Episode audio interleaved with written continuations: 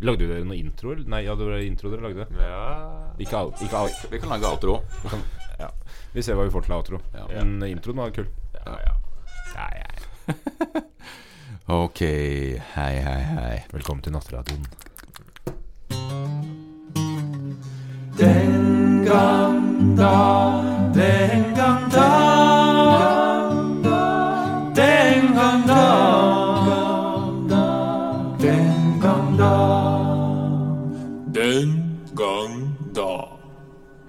Hei, hei, hei, hei, og hei og hei og hei, og velkommen til denne fantastiske historiske podkasten Den gang da.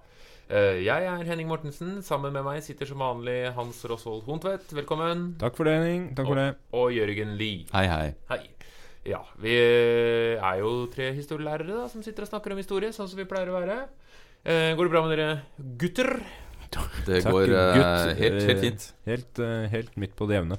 Ja, Er dere spent på dagens tema? Er dere Gleder dere? Jeg gleder meg Jeg er veldig. veldig spent på å høre hva du skal snakke om i dag. Ja, Vi skal jo snakke om musikkhistorie. Oi. Ja, Er dere glad i musikk? Veldig. Eh, ja, Ja. Jeg er litt redd for at vi om, om vi liksom klarer å snakke om alt. Fordi det gjør vi ikke. det gjør vi jo ikke.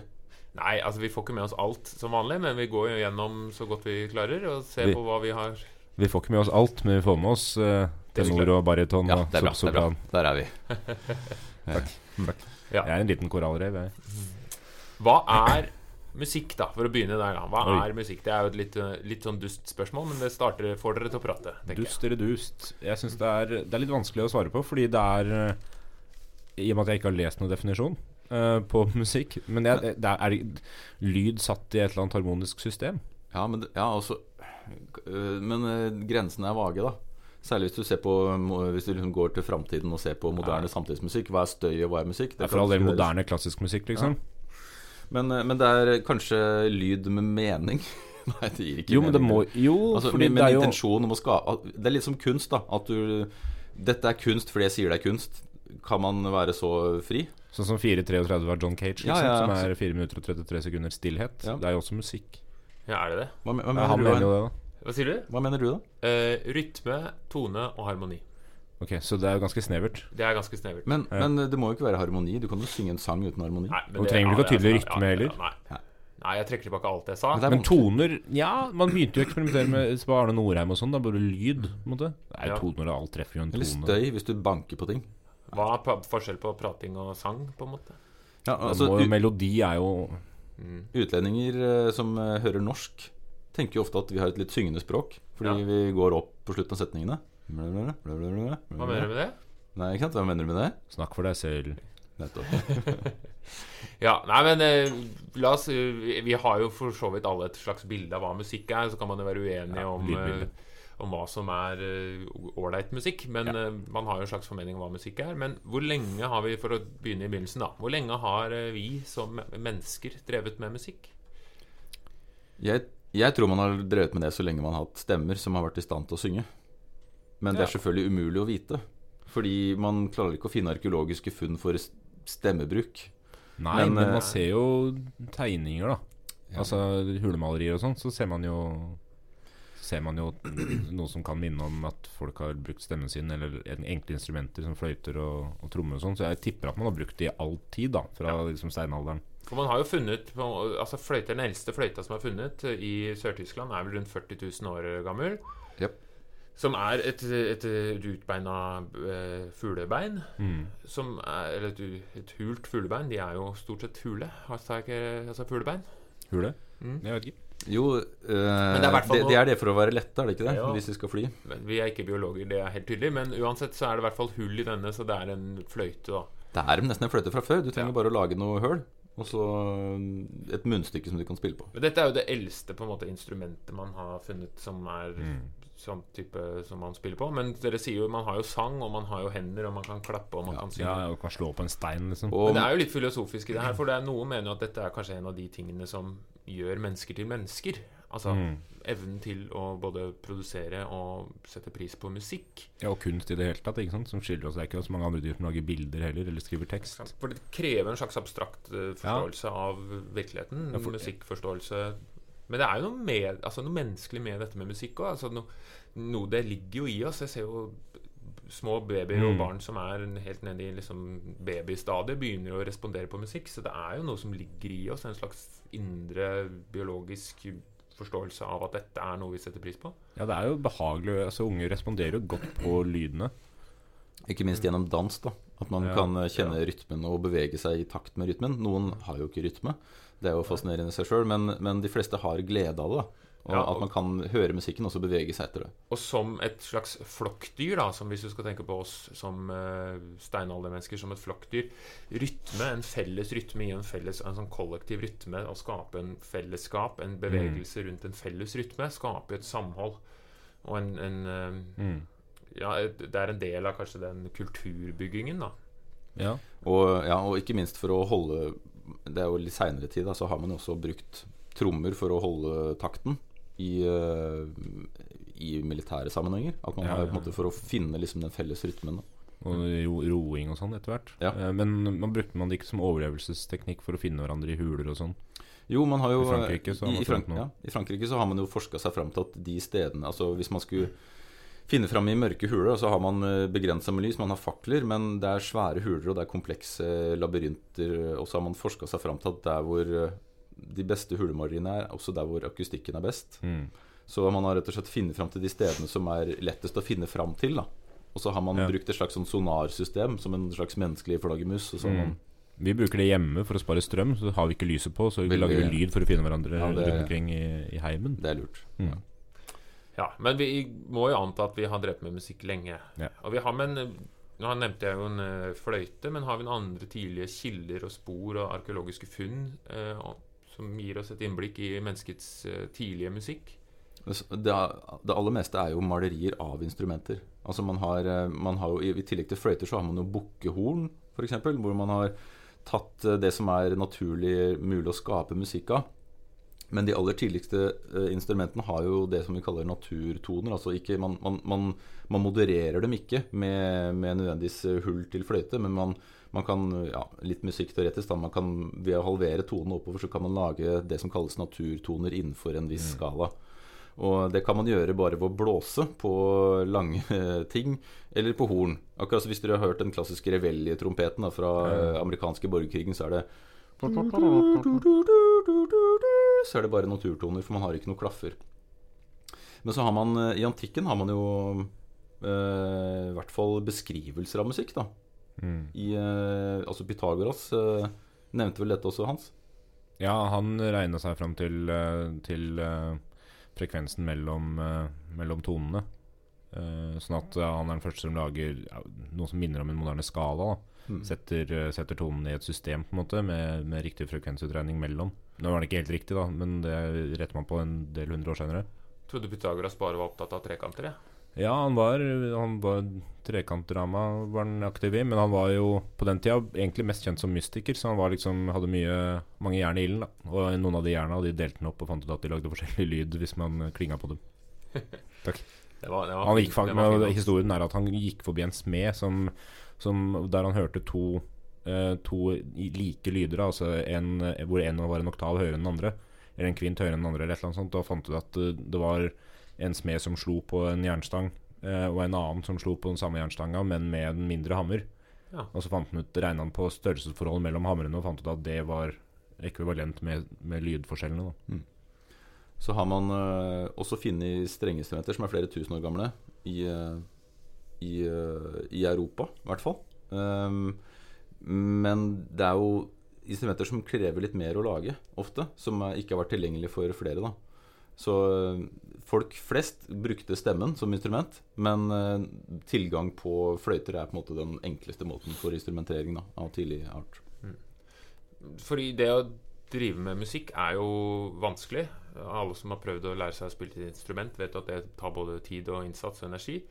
Så sånn sett så kan man jo knytte det opp mot litt sånn arbeidsdeling. Altså ha denne tiden og arbeidsdelingen og evnen til å dedikere seg til å lære seg et Ja. instrument. Så når er det Altså det, det jeg prøver å komme over på nå, er altså hvordan er musikksituasjonen når man begynner med å gå fra jeger-samlersamfunn Ja. over til jordbrukssamfunn og sivilisasjoner og litt sånne arbeidsdelte, større grupperinger er hvor man har muligheten til å utvikle musikere, da. Ja, ikke sant? For i det øyeblikket du får en situasjon der, der noen jobber eh, i landbruket, noen, eh, jobber med handel osv., så, videre, så har du også noen som eh, kanskje er litt eh, Litt mindre kraftige enn andre, da, og som tusler litt bak. Litt bleik og rødhåra, kanskje. Som uh, Han skal få lyre. Ikke sant? Krøller og Ja, hvordan var, eh, hvordan var Har vi noen kilder om musikk fra disse tidlige vi sivilisasjonene har, eh, og antikken? Så Problemet da, som dere snakka om, er jo at nedskriving av musikk, det kommer vi tilbake til, det er jo noe som Det vi klarer å lese, er veldig mye nyere. Man har liksom ikke skrevet ned. Stort sett var det musikk eh, og sang en muntlig tradisjon. Altså det er overført muntlig, litt sånn gurgling. Og så, men, men så har man funnet at uh, i Syria så, så har man funnet uh, spor av av, uh, av en eller annen form for notasjon. Samla med at man har funnet noen musikkinstrumenter, eller noen bilder av musikkinstrumenter. Jeg husker ikke helt. Altså rett og slett at man har eh, forsøkt å skrive ned Ja, musikken. For det er, jo, det er jo problemet med Det musikk musikk Altså som ikke kan skrives ned eller tas opp. Altså Hvordan skal du overføre det? Det, det blir jo bare blir fra musiker til musiker til Og det, og det begrenser omfanget litt, og det begrenser også hva vi har muligheten til å ha tilgang til. Da. Så det meste av gammel musikk blir gjetting. Og det her er jo også litt gjetting, fordi vi klarer ikke å lese det ordentlig godt. Men vi har, noen har prøvd å finne ut hvordan omtrent det høres ut. Uh, vi kan spille et lite eksempel, kan vi ikke det? Fra det som er den eldste kjente melodien. Fra Som er skrevet ned, ja. ja. Skrevet ned fra ca. 1400 før Kristus. Mm. Ja, og dette er jo dette er jo ikke, eh, liksom, dette er ikke et skala og etablert notesystem. Det er en slags gjetning av en kilde man har funnet. da fra, hva, hva het den igjen? Uh, Hymn står den på engelsk. Jeg vet ikke hva den Nummer seks. Jeg vet ikke hva den heter på engelsk. Eller på norsk. Unnskyld. Den heter vel ikke noe på norsk? Jeg vet ikke hva den heter på Skal vi koste på oss det første musikkeksempelet i den gangen vi hadde historie? Er det det vi gjøre det? Ja. Gjør det. Er du klar?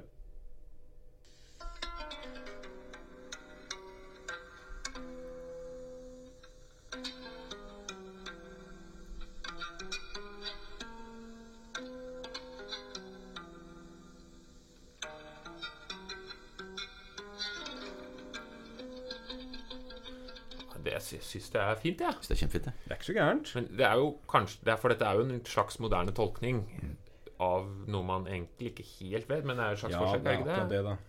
Vi veit jo ikke, men vi gjetter. Men det høres jo fint ut. Man kan jo anta også at man har jo hørt på musikk fordi det høres fint ut.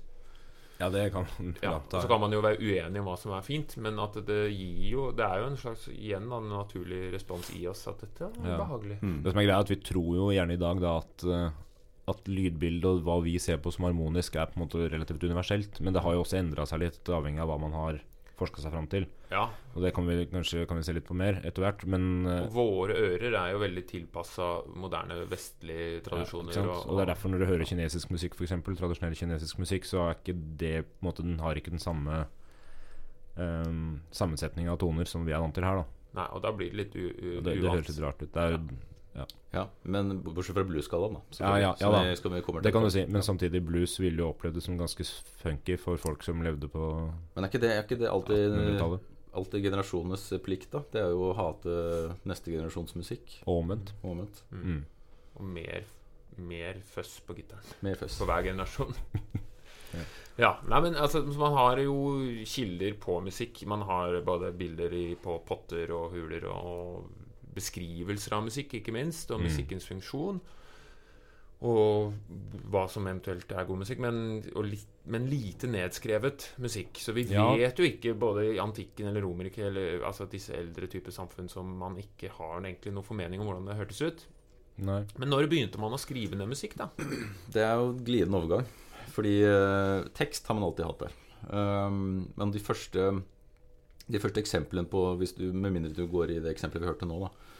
På nedskrevet musikk så har man eh, noen eksempler fra gamle kinesiske kulturer, altså ca. 1000 år før tidsregning. Men, men det er vanskelig å tolke. Og det er navn på toner, da, mer enn et notesystem. Altså Man Mm. beskriver hvilke, hvilke toner man har spilt. Og hva betyr det? Det betyr at du må kjenne melodien antageligvis for å klare å spille den. Ja, Så det er, det er kulturelt betinga for å forstå det. Eh, men i antikken så har man et system som vi fortsatt bruker i dag, for så vidt. Det er der man, man legger aksenter på bokstaver. Mm. Altså hvor du skal legge trykket, og hvor du skal legge tonehøyden. Altså om det skal Ja. gå opp eller ned da, I, I språket. i språket. Så det er på en måte kanskje noen av de første spede variantene av notasjon. Og så har man en utvikling av det utover eh, det som ble middelalderen. da. Ehm, Etter hvert eh, det som kalles for noimer. Mm. Eh, hvor, man, hvor man viderefører det noe. Og legger Altså man har fortsatt en tekstlinje, og så har man bare kruseduller over tekstlinjene som tilsier om man skal gå opp eller ned.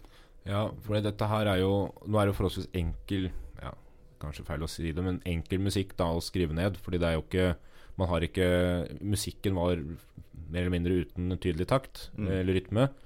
Eh, og det var begrensa toner man forholdt seg til på den tida. Fordi det her er jo dette her er, Når du snakker om det her, så er det klostermusikk ikke sant, fra middelalderen. Altså kristne hymner og Altså toner satt til eh, kristne tekster fra kirkeår osv. Ja, for når er vi nå? Sånn. Vi er, vi er, altså Normene er fra rundt 1000. Ja. Uh, og så har man en gradvis utvikling fra det, altså fra de første aksentene også til de normene som også egentlig bare er aksenter, bare litt mer eh, Ja, Og da er det stort, stort sett kirkemusikk. For det, var vel det er den, det er jo den musikken man kanskje fant eh, noe vits å skrive ned. Ja, fordi det, ja, det er, for det fantes jo folkelig musikk. ikke sant? Men kirkemusikken den, den ville man skrive ned. Og det som er greia, er jo at munkene kunne dette her utenat. Og, det, og det er også den eneste arven vi har fra antikken. Sånn at, Ja. sånn at antikk musikk lever litt antageligvis videre i den eh, europeiske kirkemusikken. Men, men vi ser for oss at kirkeåret har ganske mange forskjellige tekster, og så skal de synges. Eh, så det, man antok at munkene da brukte omtrent eh, ja, 10-20 år da, på å lære seg alle melodiene i kirkeårets eh, tekster utenat. Det blir som å lære Ganske seg bare mye bruk av tid. Ja, det er mye tid for meg sånn sammenligning. Det blir som å lære seg alt av Alt av Beethoven og og Wagner utenat uten å ha notene tilgjengelig. Og, det- Eh, og de, de hadde ikke noter, de måtte høre alt da og så lære seg det og pugge det. Og da har du overføringen av kunnskap muntlig. Ja. Du må bare, du må bare lære deg av en mester. Da. Men, det, har men det er problemet med Neumann nå, da fordi de forteller ikke hva melodien er. De, de hjelper deg til å huske melodien hvis du først kan den, for de Ja. forteller hvor du skal gå videre, sånn cirka. Og så hjelper det da, eh, bare 50 år senere, så har du et som heter Guido da- d'Arezzo, som utvikler da notesystemet med linjer. Ja. Og da hjelper det veldig, for da klarer man å Da har man et, et holdepunkt. Tydelig, og tydelig liksom, Ja. intervaller mellom ja, tonene. Ja, da legger han en grunnlinje, en rød en, så legger han første tonen der, og så fortsatt, plasserer han de andre over, ikke sant, og under. ja, og fortsatt lite takt. Altså Rytmen eh, finner man seinere, når man utvikler selve notene. Man, på 1200-tallet så utvikler man det som heter kvadratnoter. Det er sånne klassiske middelaldertonen. Ja. Altså Hvis du ser for deg en note, da så er det en, det er en liten klump. Og så finner man ut at hvis man forandrer størrelsen, så kan Mm. man også forandre hvor lenge tonen skal vare. Men det er fortsatt lenge til man får taktlinjer. Altså hvis Ja. man ser for seg et noteark da Men man har et system som utvikles gradvis. Men denne tidlige musikken som vi har skrevet ned, da Mm. hva er det som kjennetegner den? Åssen hørtes det ut? Har vi noen formening om det? Skal vi prøve oss? Det er, eh, Ja. altså hvis, hvis vi tar utgangspunkt i kirkemusikk, da, som er den vi har notert Så den, den tidligste korsangen var unison. Altså man sang samme tone. Det var ingen akkorder, det var ingen uh, instrumentering. Det var bare den samme tonen som ble sunget av flere. Ja. Så vi kan jo, vi kan jo kjapt demonstrere Lisak til skolen. Skal vi gjøre det? Ja, i altså, ok. Hva syng, syng, altså, da synger Ja. vi unisont, som de første korene. Lisa gikk til skolen, tripp, tripp, tripp, det sa Ikke sant? Det var kjempe, kjempe La du på en oktav høyere der? Eh, Nei, jeg sang det samme som deg. Det hørtes bare litt jævlig ut. Okay, ja. Ja, Eh, det, det det var ja, men det var heldigvis, ja, det var heldigvis deg, ikke Ja. meg. Eh, men, men og så skjer det noe, da. Når man utvikler eh, sangen etter hvert. Man legger jo på en oktav for Ja. det første. Man får inn gutter i koret. Eh, Det har jo mange fordeler. Men også, også det at du får en oktav lysere. Da. Så det er Så, ja, så hvis man da synger en oktav Lisa gikk til, så synger man Lisa gikk til Oppå det, da. Ja. Så blir det et slags sånn felles eh, Men det er fortsatt den samme tonen, bare en oktav. Ja da, og de følger jo melodien. De, ja, og de følger samme. Og så kommer jo, kom jo da utviklingen av hans Hvis vi, hvis vi prøver, tør å prøve oss på den også, for da er det, da er det kvinten, vet du. Og det er et, eh, Hva er det for noe? det er et eh, såkalt intervall. Kan du Og- vise det, Henning, på Ja. gitaren? Jeg har fått med meg gitaren. Skal Henning spille en kvint? Jeg kan spille en oktav først, da. Ja. Fordi en oktav er jo liksom samme tone, bare litt Åtte, over. da åtte toner. Ja. Det er en oktav. Og grunnen til at det heter oktav, er at man bare hadde åtte toner Ja. når man opererte med begynnelsen. Så de, de klinger fint sammen, og så får du kvinten. Dette er jo en av de klassiske det man kaller for rene intervaller. Og rene intervaller er oktav, kvart og kvint. Og det er på en måte de eneste som er akseptert innenfor kirkemusikken. Fordi det var, det var guddommelige toner. De harmonerte så innmari bra sammen. Så- de var også- ikke tvetydige, de var enkle og fine. Og hvis eh, Lykken eh, er med oss nå, Hans, så kan vi demonstrere hvordan man får det til å høres veldig middelaldersk ut. Okay. Hvis, man, øh, hvis man synger Lisak til skolen bare med kvintparalleller, da. Ok, Men hvis jeg begynner å synge Lysak til skolen, så kan du legge på en kvint Så legger jeg på en kvint. Li... Lisa gikk til skolen, trippe, tripp, det sa. Ja, nå hjalp det. Ja, det kom seg der, altså. Det, var, jeg, det var, ble sakralt med en gang. Ja, men, det blir det. Det, Det blir hører, veldig det høres veldig middelaldersk ut. Og det intervallet vi sang nå, det er akkurat det samme som Henning spilte på gitaren sin, men når vi synger det, så høres det veldig Ja, og middelaldersk så hjelper det at Lise skolen forholder seg til de tonene man hadde tilgjengelig. da Den Det er jo relativt begrensa. De hadde sikkert ganske mange spreke versjoner av Lisak til skolen også i middelalderen. Så De det, Lise gikk til helvete. Oi. Ja. Ja, så man utvikler på en måte harmoniene ja, etter hvert. Når sånn cirka er vi nå? Det kommer jo Altså, vi er fortsatt på eh, 1200-1300-tallet, Ja, ja. men så skjer det ting. På 1400-tallet. her gleder jeg meg til. Nå gleder jeg meg til, for da kommer det en som heter John Dunstable. Engelskmann. Dunstable. Dunstable. Og han, han finner ikke på, men han aksepterer og innfører tersen i Ja. musikken. Kan du spille en ters, Henning? Ja, En stor eller liten som det Gjerne begge. Okay. Prøv begge. For dette er jo vanlig dur. Ja. Og så hvis du tar den litt ned, altså Og, ja, og, det, ja, og dette er problemet, fordi tersen er ikke en ren, Den en, en ren Og den kan både være glad og trist. Glad og trist. Og det er ikke greit i tidlig kirkemusikk. Nei. Men når man legger på tersen, så får man et hav av muligheter for tonalitet og, Mm. akkord, og instrumentering, og ikke minst for arrangering. At man kan få en mye mer komplekst lydbilde. Da. Helt utrolig. Og det er jo Jeg skal ikke ha musikk til, men det er jo utgangspunkt på en måte for en En durakkord, eller Ja. en Mollakkord. Mollakkord. Helt riktig. Mm. Det er å variere på tersen. variere på tersen. Det er Viktig å variere litt på tersen. Må ha ters på Altså, det ble plutselig greit. Hvorfor ble det greit plutselig sånn Nei, det er jo altså hvorfor det ble greit. Noen prøvde, og så fant man ut at dæven, det var jo litt fint, da. Det gir noen muligheter, da, som ikke har vært hvorfor, hvorfor var det ikke greit? Ja, å, skal, vi, skal vi også ta med oss det siste intervallet? Altså, det, det er interessant, for man, man forbinder forskjellige intervaller og type musikk med veldig symboltunge ting. Så man har jo et annet intervall da, som, som aldri som tok lang tid før man uh, aksepterte, og det var det såkalte djevelintervallet. Og det er mellom en, eh, en kvart og en kvint.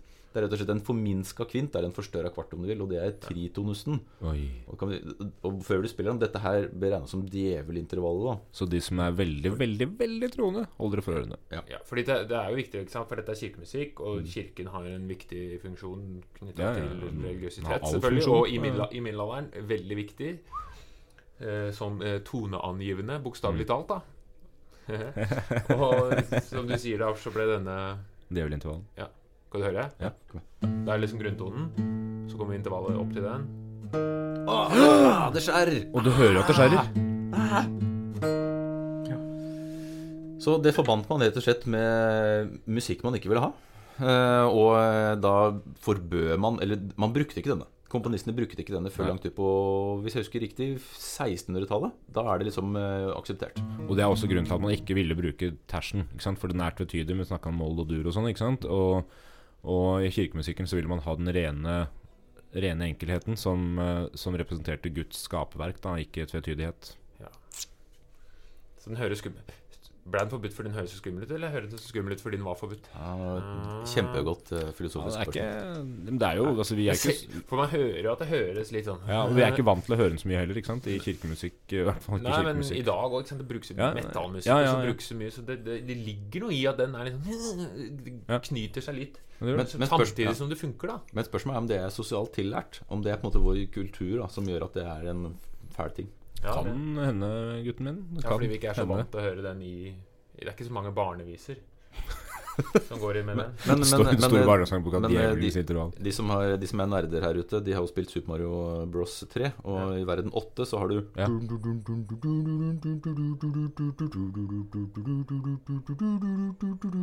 Altså temaet på åttende verden der masse tritonuser. Og det er også bilde av slags helvete. da Masse ild og flammer og sånn. Så det, er, Hvis, eh, det brukes også i ja. mm. Hvis noen av lytterne lurer på om vi hadde kjærester da vi vokste opp, så er svaret nei. Nei, veldig korte forhold. Med oss selv, stort sett. Ja, så, så kirken Men det vi For å oppsummere litt, da, middelalderen, så begynner man så vidt å skrive ned Eller man skal begynne å skrive ned musikk, og det utvikler seg fra bare enkel vise hvor melodien går, Mm. til å kunne ha intervaller, altså se hvor melodien går, til etter hvert begynne med å ha, ha rytme også. Og da kan man jo plutselig skrive langt mer kompliserte verk, som Ja. varer og varer og varer. Og så begynner man å tillate mer og mer type harmonier. Den gang da. Vi har jo fått en sponsor, Hans. Hvem er det? Du, det er Akademiet privatist eh, og nettstudier. Ja, hva tilbyr de? De tilbyr privatist- og nettstudier. Det er jaggu godt at det ligger i navnet. Ja. Det, hva er det for noe? Det er eh, studier du kan eh, melde deg på hvis du ønsker å ta opp fag, eller forbedre fag, eller ta fag for første gang på videregående for å få deg generelle studiekompetanse. Ja, Så praktisk. det er fint. Er, det, er de flinke? Du, de er veldig flinke. Uh, Er det lærere der? Det er lærere der. Og de lærerne, de, deres mål, vet du hva det er? Nei. Det er å få deg gjennom med en bedre karakter enn det du hadde, eller en god karakter hvis du ikke har noen karakter fra før. Ja. Ja, men det høres jo bra ut. Mm. Da anbefaler jeg alle som har lyst til å ta opp fag, eller ta fag på videregående. Gå inn på www.akademiet.no. Den gang da. Hvor er vi da? Så hvor er vi kommet nå? Nå er vi jo mot slutten av middelalderen, egentlig, over i Over renessansen. Ja. Da skjer det ting. For det går, går jo sånn historisk sett nå ganske, fort. Det gjør det. Det- Nå, nå begynner utviklinga å skje betraktelig raskere enn den har gjort tidligere. Komponistene får en helt annen rolle fordi de kan skrive lange verk som kan spilles uavhengig av om man har hørt den før eller ikke. I tillegg til at noe skjer på 1400-tallet som er rimelig heftig, og det er boktrykkerkunsten. Som gjør at notene plutselig kan trykkes og spres for vinden. Nettopp. Instrumentutvikling eh, kommer. Man begynner å Man smeller opp noen fioliner i tillegg til bratsjen, og så er det noen som finner ut at hvis én fiolin er bra, da er 24 på én gang enda bedre. Så begynner man plutselig å få svære orkestre. Og, og folk har jo ikke tilgang til en type musikk annet enn når de er på konsert, eller hvis folk spiller for dem. Uh, så det må ha vært helt sinnssyke opplevelser å høre sånne ting Ja. på, på det tidspunktet. For det er klart det at man hadde jo folkelig musikk. Ja, Eh, for det er viktig. Folkemusikk og altså drekkeviser er jo også en del av musikkverden som vi kanskje Ja, ikke har like stor tilgang på. da nei, ikke sant. Men der har vi jo instrumenten da, og nedtegnelser og sånn. Vi vet at eh, nå har vi noe som kalles barbershop-kvartetter. Vi skal ikke snakke så mye om det. Men det med barbersjapper er ikke helt irrelevant i musikkhistorien. Fordi det var, det var ofte hengt opp noen sånne små strengeinstrumenter inne hos barbereren som eh, den som blei barbert, kunne ta ned og spille litt på for alles eh, glede og uglede når man blei barbert. Sånn at eh, så folkelig musikk var på et eller annet vis tilgjengelig for de som kunne spille enkle instrumenter. Sånn at Ja. man fikk hørt det live, da. Og man kan vel anta at ganske mange kunne spille på enkle instrumenter. Ja, jeg tror- jeg tror faktisk det. Dette var før PlayStation, på en måte. Så man kunne Ja, ja, jo, hvis man måtte drive tida si med noe, Ja. så måtte man Og var man, ja, og var man en flink spellemann, eh, så var man jo ettertrakta. Mm. Eh, Det var liksom en slags popmusikeren på, eh, i, i middelalderen. Da, eller Ja, det blir jo fest, ikke Det blir jo fest når noen drar fram uh, Eh, bratsj. Ja. ja men, sant? Men renessansen, det er jo der vi er nå. La oss si liksom 1400- til 1600-tallet ish. Mm. Så hva slags Hva kjennetegner musikken, da, for å se på den? Ja, det som skjer der, er at den for det første blir eh, Altså Den blir litt mer komplisert, men den blir også mer verdslig for første gang. Sånn at, altså ikke-religiøs, da. Og da får du også litt lystigere toner. Og vi har frem, altså nå Julesanger på den tida f.eks. var gjerne eh, eksempel på religiøse tekster med relativt Nå gjør jeg sånn anførselstegn i lufta verdslig melodi. Altså melodier som ikke høres jo helt religiøse ut, da men litt sånn lystige greier som vi fremdeles bruker. Eh, så man får et eh, litt mer Mer av større aksept for ikke-religiøs musikk. Ja. Og så er det vel noe altså, at rike folk uh, i større grad kan bestille seg Ja, de ansetter Litt ja, litt det samme som man bestiller annen type kunst. Ja, man i bestiller verk, og man ansetter komponister som jobber for deg. da Og Det, det er det som skjer i ja, noen hundre år framover, fram til eh, Mozart og sånn. Det er at eh, kunstnerne stort sett var ansatt hos en eller annen rik fyrste. Ja, eller var hoffkomponist. Ja, eller, nettopp. Ikke sant Men, eh, men skal vi driste oss over i barokken? Fordi det er jo her det eksploderer, da. Kan jeg bare Jeg må, jeg må bare For Henning sa i stad at, eh, før vi begynte at jeg ikke skulle name-droppe så mye, så derfor skal jeg bare name-droppe én person nå. Det er John Dowland, som holder på under renessansen. Han var engelsk. Uh, skriver utrolig mye bra renessansemusikk for lutt og vokal. Og de er sånn Altså det er et veldig tydelig tegn på at nå er vi ikke lenger i kirkesammenheng alltid. Det er relativt vovete greier, selv om teksten er litt fjern for oss. Da, så er det, det, er mye kjærlighet og erotikk og sånt. sånn at du, og det er akseptert. Altså Han jobba i hoffet til Elisabeth den første, sånn at det er ikke, det er ikke på en måte fyllemusikk lenger. Men du hadde samtidig vertshusmusikk som var enda verre. Da. Så for lutt og vokal så han var liksom sånn singer-songwriter Ja, men, jo, jo, men det er, på, ja, men det er helt sant. Det. det er liksom da du har den singer-songwriter-greia som begynner da, og så på 1800-tallet så føres det over til folk med piano. Men eh, renessansen går gradvis over til barokken, ja. Ja, og her, her har du de, her blir det enda mer komplekst. da De fleste har eh, Hvis du har vokst opp med, med 'Det var en gang et menneske', f.eks., den, den gamle Mm. forslitte franske tegnefilmserien om eh, menneskets utvikling, så har man hørt eh, Bach. Bach. ja Og det er begynnelsen av toccata og fuge, som er en toccata og en fuge. I d-moll. Ja, riktig. Og, og Bach er en av de viktigste komponistene gjennom alle tider. Og han, han økte kompleksiteten ved å spille da bl.a. fuger. Og fuger det er rett og slett flere melodier flettet inn i hverandre. Så hvis du hører toccata fuge, da, så er den første delen er jo bare én melodi. Men etter hvert så er det to hender som Spiller spiller, på en måte oppå hverandre. Som melodier som flettes inn og ut av hverandre. Og det er en fuge, da. Altså ting som Han eksperimenterer jo med dette her, og flere gjør det på den tida. Men altså Bach eksperimenterer med det Men altså Du har relativt sett enkle melodier som først legges opp eh, som én melodi, og så kommer det en til som spilles eh, opp ned, eh, for å si det sånn. Og, og begynner seinere, begynner litt før, og så plutselig har du fire forskjellige utgaver av samme melodi da, som bare legges sammen til en kakafoni av eh, ja, Og, ja, og ikke minst så, så øker jo lengden på musikken her. Eh, Bach eh, komponerer lange ting, men ikke minst Händel, en annen barokkomponist, kom, komponerer jo Messias angivelig i løpet av bare noen uker, fordi han fikk en slags åpenbaring. Mm. Og jeg tror hennes eh, Messias varer et sted mellom tre og fire timer. Ja. Og nå ja, er det er langt. Ja. Nå er vi virkelig Altså Dette er jo det man kanskje forbinder med klassisk musikk, men det som er jo fascinerende, er at dette er musikk som fortsatt spilles Ja, og det er kanskje noe av den første som fortsatt er, er, det er Og- ikke helt sant, men det er i hvert fall veldig Og se, mange har kanskje ikke hørt om eh, mange, mange komponister, men Bach har vi alle har for- Bach har folk hørt om. hørt om. Vivaldi har folk hørt om, det er samme tid. Det er ikke så mange som har hørt om Vivaldi, tror jeg. Tror ikke? Jo, kanskje. Jeg tror det. Fire årstider og sånn. Ja. Men Monteverdi, hørt, ikke men så de har i hvert fall hørt musikken hans. Ja. Fordi det brukes jo fortsatt i både film og TV. Og, Ja, ja. og så ja, men det gjør det. Så uansett om man er på operaen eller Ja, når- så apropos- har man blitt utsatt for denne musikken. Apropos opera. Det er jo for øvrig de første eksemplene på musikk som skulle vare en hel aften. Altså, du, Man var vant til melodisamsetninger, men så ser du på 1600-tallet at operaen plutselig vokser fram da, og blir foredla av en som heter Monteverdi i Italia, som lager liksom det moderne former for opera. Da. Eh, og det blir eh, på en måte Og dette er jo også tidsalderen hvor de Ja, for- dukker opp i Fordi det, Ja. opera er jo ikke bare en måte å synge på.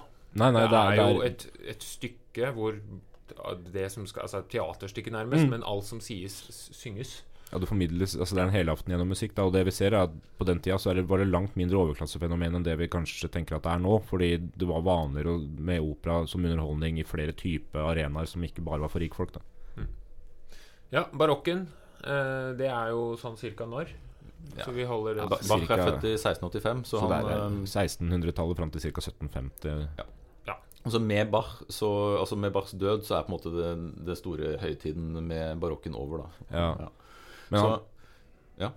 Han døde i 1750, var det ikke det? ja, noe sånt. Ja. Og det vi ser, er jo også et for øvrig et interessant skifte fra hvordan alt av, middel, eller alt av musikk tidligere hadde egentlig foregått i Italia, utviklinga, fram til liksom Vivaldi. Og så plutselig så ble det flytta til tyske områder med Bach og Händel, og derfra har du bare tyskere, nesten. Det som alltid fascinerer meg med disse klassiske komponistene, at de har jo ingen mulighet til å spille inn underveis. Så de, de, de må jo sitte og på en måte gjøre alt dette i huet når de sitter og komponerer og Ja. skriver ned. Det, det, er, det, er, det er en eh, interessant ting, da. At man, at man ser for seg den typiske, typiske komponisten som eh, har komponert til eh, eh, mange instrumenter, og så har man notearkene som på en måte er Det er ikke musikk i notene før man spiller det, og bare det er jo interessant å se for seg.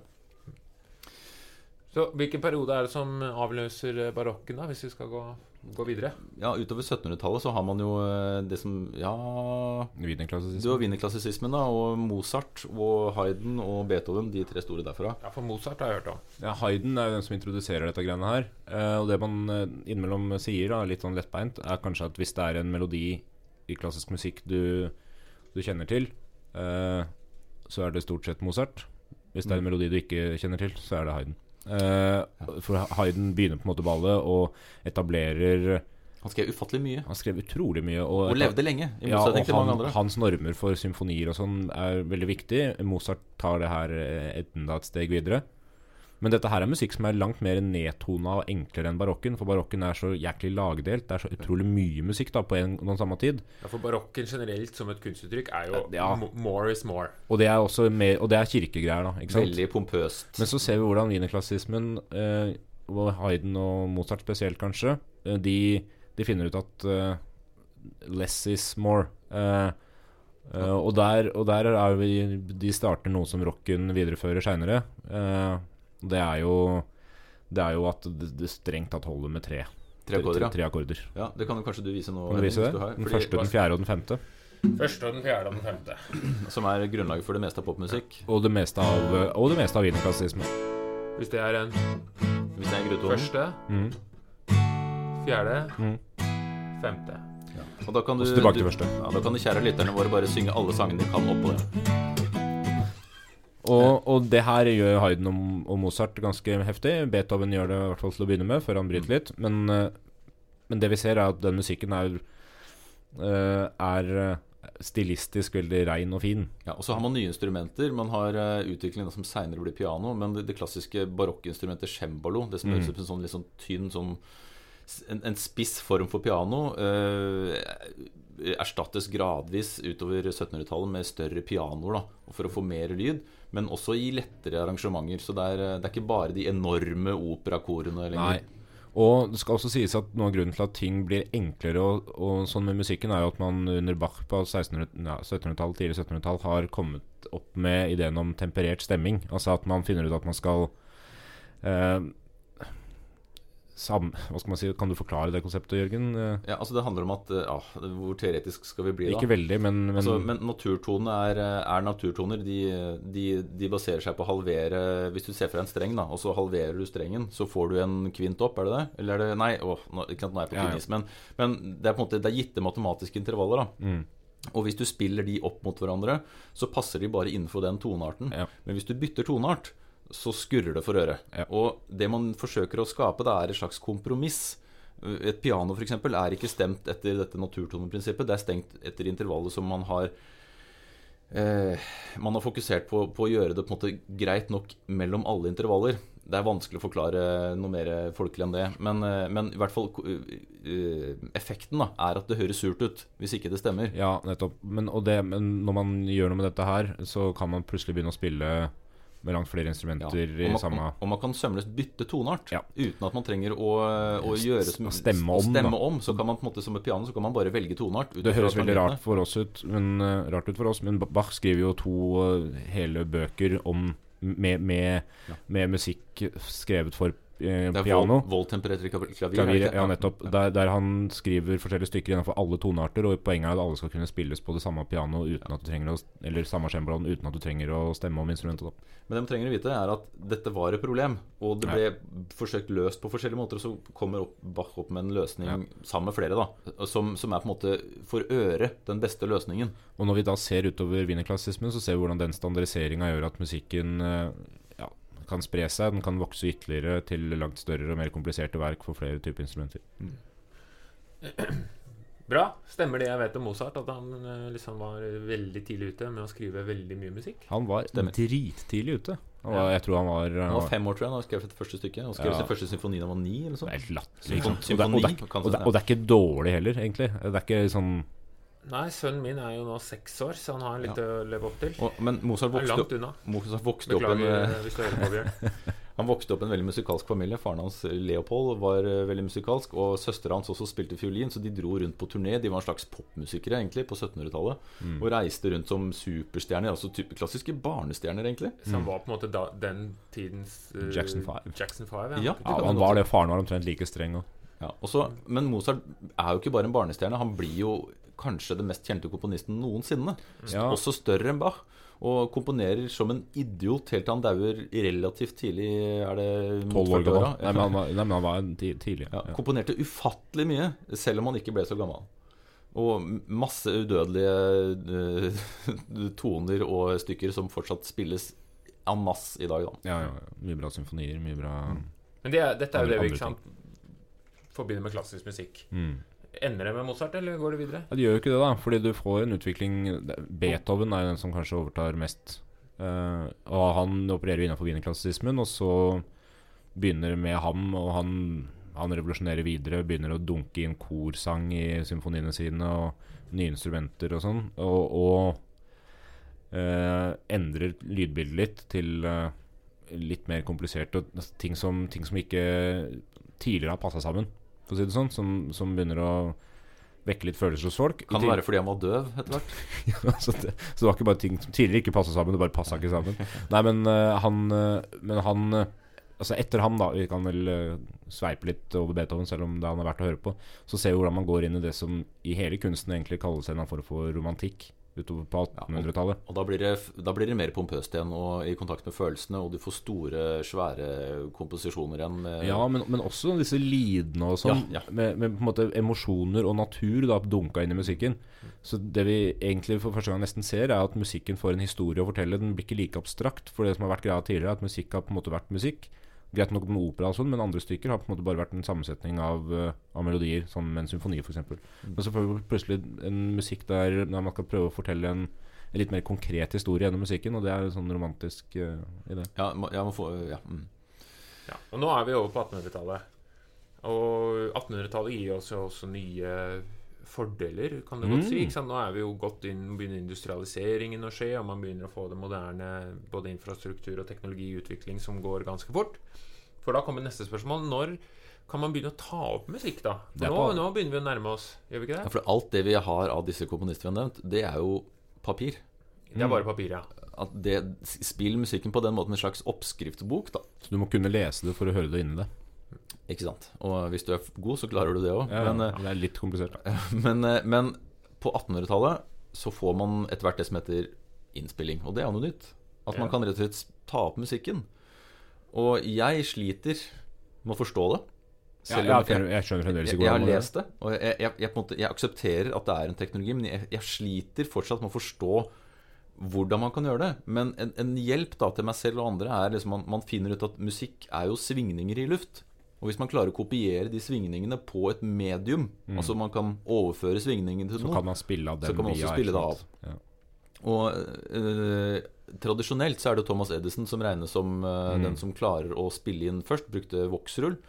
Men man har også eldre opptak. Ja, men 1860. 1860. Okay. Men den, den, det som er greia der, den har man jo først klart å avspille i nyere tid. Ja, og da er det en For få år fransk- siden, Fordi det var vel ikke meninga at skulle spille den av. Nei, for det var på tinnfolie, ikke veldig holdbart. Og hver gang du spiller nå, så blir det litt dårligere. Så da har du en franskmann som heter Edouard Leon Scott. Høres ikke så veldig fransk ut, men eh, han spilte inn da i 1860, som du sier. Og man har forsøkt å restaurere det, og det høres så helt sinnssykt ut, det opptaket. Ja, ja, i dag, ja. Men, og det gjorde vel det da kanskje. kanskje. kanskje. Men, men Eh. poenget hans var jo ikke å spille det av. Poenget hans var å spille det inn for å kunne lese tonene på et eller annet vis. Lese melodien. Han var vel ikke så kresen på lyden heller. Nei, Nei. Litt, litt mer riskant. eh, Det var vel bare det å få det ned. Men, eh, men av de mer moderne, mer moderne 17 år etterpå så tar Thomas Edison opp seg selv, som sier 'Mary had a little lamb'. Og det har man fortsatt bevart. Og derfra går man til minidisk. Det er det minidisk er neste. Men man brukte voksruller, da, som var et mye bedre medium å ta opp på. Og så får man etter hvert utviklingen av uh, at man, man forsøker å risse inn musikken i andre typer medier, og da får man plater. Tryne til folk. Tryne. Man får plater, da. Mm. Men det er verdt å nevne ikke sant, platene og sånn som kommer etter hvert. Men det er jo kanskje verdt å nevne også at dette er jo ikke uh, første gang man har hatt musikkavspilling. Fordi det har man jo hatt som mekanisk uh, mulighet for tidligere, har man ikke det? Jo, Uh, de første opptegnelsene man har, er eh, 900-tallet. Mm. Og da snakker man spilledåseteknologi. Og da er det tre altså, eh, Det var de tre persiske oppfinnerbrødrene, Banu Musa-brødrene. Og de skrev en bok som hadde et veldig fint navn, 'Boken om lure mekanismer'. Og de beskriver da en slags spilledåse rundt 900. Og denne spilledåsemekanismen er det som er grunnlaget for all mulig sånn mekanisk gjenspilling av musikk, som man, eh, som man ser i gjøkur, f.eks. At man, man, man, man har eh, en måte bare å få eh, Man har en slags valse med tagger på, og så snurrer man valsen rundt, og så griper den tak i ting som er kobla til lydfremkallende instrumenter, da, klokker eller trommer eller mm. ja. Eller, eller utover på 1800-tallet, det klassiske piano som kunne spille sjøl. Surt og stygt. Jeg vil øh, anbefale alle å ta en tur på Teknisk museum. For Ja, der er det har det. de en, øh, en utstilling på lydinnspilling og lydavspilling. Mm. Og der ser du noen eksempler på sånne litt sent 1800-talls øh, musikkavspillings Mm. slags jukeboxer, da, men som hvor den faktisk spiller av musikken. For det er jo det som er poenget. Den er jo ikke sånn at det er lagra musikk. Men det er f.eks. en skive eller en rull som har tagger, og så ruller Mm. den rundt, og så utløser den da enten blåsebelger eller piano. Ja. eh, Altså den utløser instrumentene til å spille live, og du får jo de som både har trommer og piano og orgel. Mm. Hvor, det, hvor det er nærmest et uh, lite orkester som spiller gjennom denne mekaniske Men uh, duppedingsen. men Det er ganske kult. Jeg har alltid tenkt at det er veldig små mennesker inne i radioen, er det ikke det? Som sitter og spiller eh, Kjempegod vits. Den falt i kjempegod jord. eh. Jeg fulgte ikke med, for jeg tenkte, jeg tenkte på om jeg skulle si noe sjøl. Jeg, jeg tenker at Nei da, jeg syns det var greit. Det var. Egentlig er det en Larsson Gallo verdenstripe. Men se, Så, se, se fra menneskehetens begynnelse, hvor vi antar at vi begynte å synge, fram til eh, selvspillende instrumenter på slutten av 1800-tallet. Da har det gått noen tusen år, da, kan du si. Ja, ja. Og så derfra og fram til i dag så har vi plutselig Spotify. Det er jo helt fabelaktig. det er helt sjukt. Helt imponerende.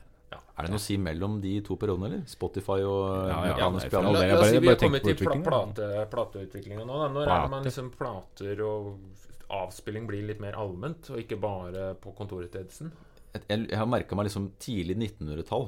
Og eh, Det 1910 1910-tallet så har man uh, grammofonteknikk, da. Som man kan uh, Kanskje tidligere også. Men, men dette er jo noe som overklassen tar til seg, og kjøper grammofonavspillingsapparater. Så kan de ha det hjemme, og spille av musikk hjemme. Mm. Og det er jo noe nytt. At man kan ha ikke bare liksom disse mekaniske apparatene, da, som er show-off nok, men at man kan Spill deg hjemme. spille av noe som er tatt opp. Jeg har en sånn reisegrammofon hjemme, gammel en, som du sveiver opp. Selvfølgelig har du det. Og, de, ja, og der er lyden Det er todelt lyd. Enten er den av, eller så er den ekstremt høy. Og det går alltid litt for fort. Så Dattera mi blir livredd når jeg hører på den. Og det er bare foxtrot og slow fox og Men når vi kommer inn i denne, denne tidsalderen, og, og radioen etter hvert som også kommer og kan kringkaste dette over store områder, mm. så får man jo også oppkomsten Altså, man får ikke frem oppkomsten av musikeren, men musikeren som kanskje den, en av den viktigste Ja.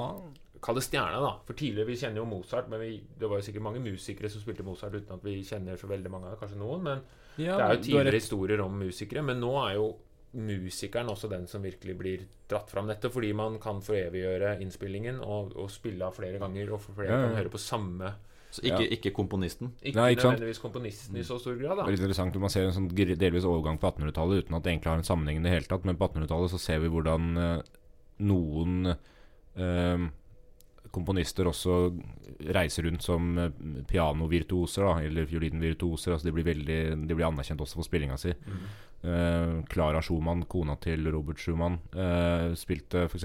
Musikk. eh, og List. Liszt sjøl spilte Frans Liszt, pianist og Han med de store hendene.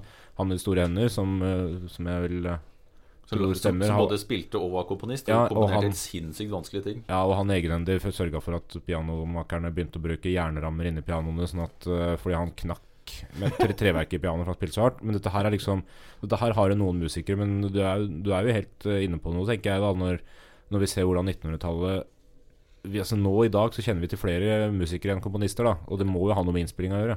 Det I tillegg til kanskje utviklinga av populærmusikken. Ja. For da er vi jo inn på neste tema, altså populærmusikk. Ja, og popmusikk. Ja, popmusikk og populærmusikk. Det er Ja, det samme. det er vel det samme. Og gradvis kanskje da også et skille mellom den klassiske musikken og den populære musikken, som tidligere har vært litt mer samla, i hvert fall, Ja. i hvert fall en stund. da Så ser vi hvordan 1900-tallet, Skal vi si at vi tar en egen episode på populærmusikk? Det kan vi gjøre. fra Vittula. Ja, Det, og det er mye å si om det, altså. ja, vi fortsetter med musikk. Men vi tar eh, populærmusikk som en eh, selvstendig episode neste gang. fra 1900 ca. framover. Ja, Og så sier vi egentlig takk for i dag. Litt brå avslutning, men da legger vi Kanskje skal vi legge ut begge episodene sammen og planlegger vi mens vi Men, men Hvis hvis vi legger spiller ut episoden, så har du allerede hørt dette. Det er sant. Det er sant. Men uansett, vi sier takk for nå. Har du dagens ord, Hans? Nei? Jo! Nei. Det var to ord. Ja. Men da sier vi takk for nå. Og så ses vi, høres vi snart. Tjalvais. Ha det Ha det Den gang da, den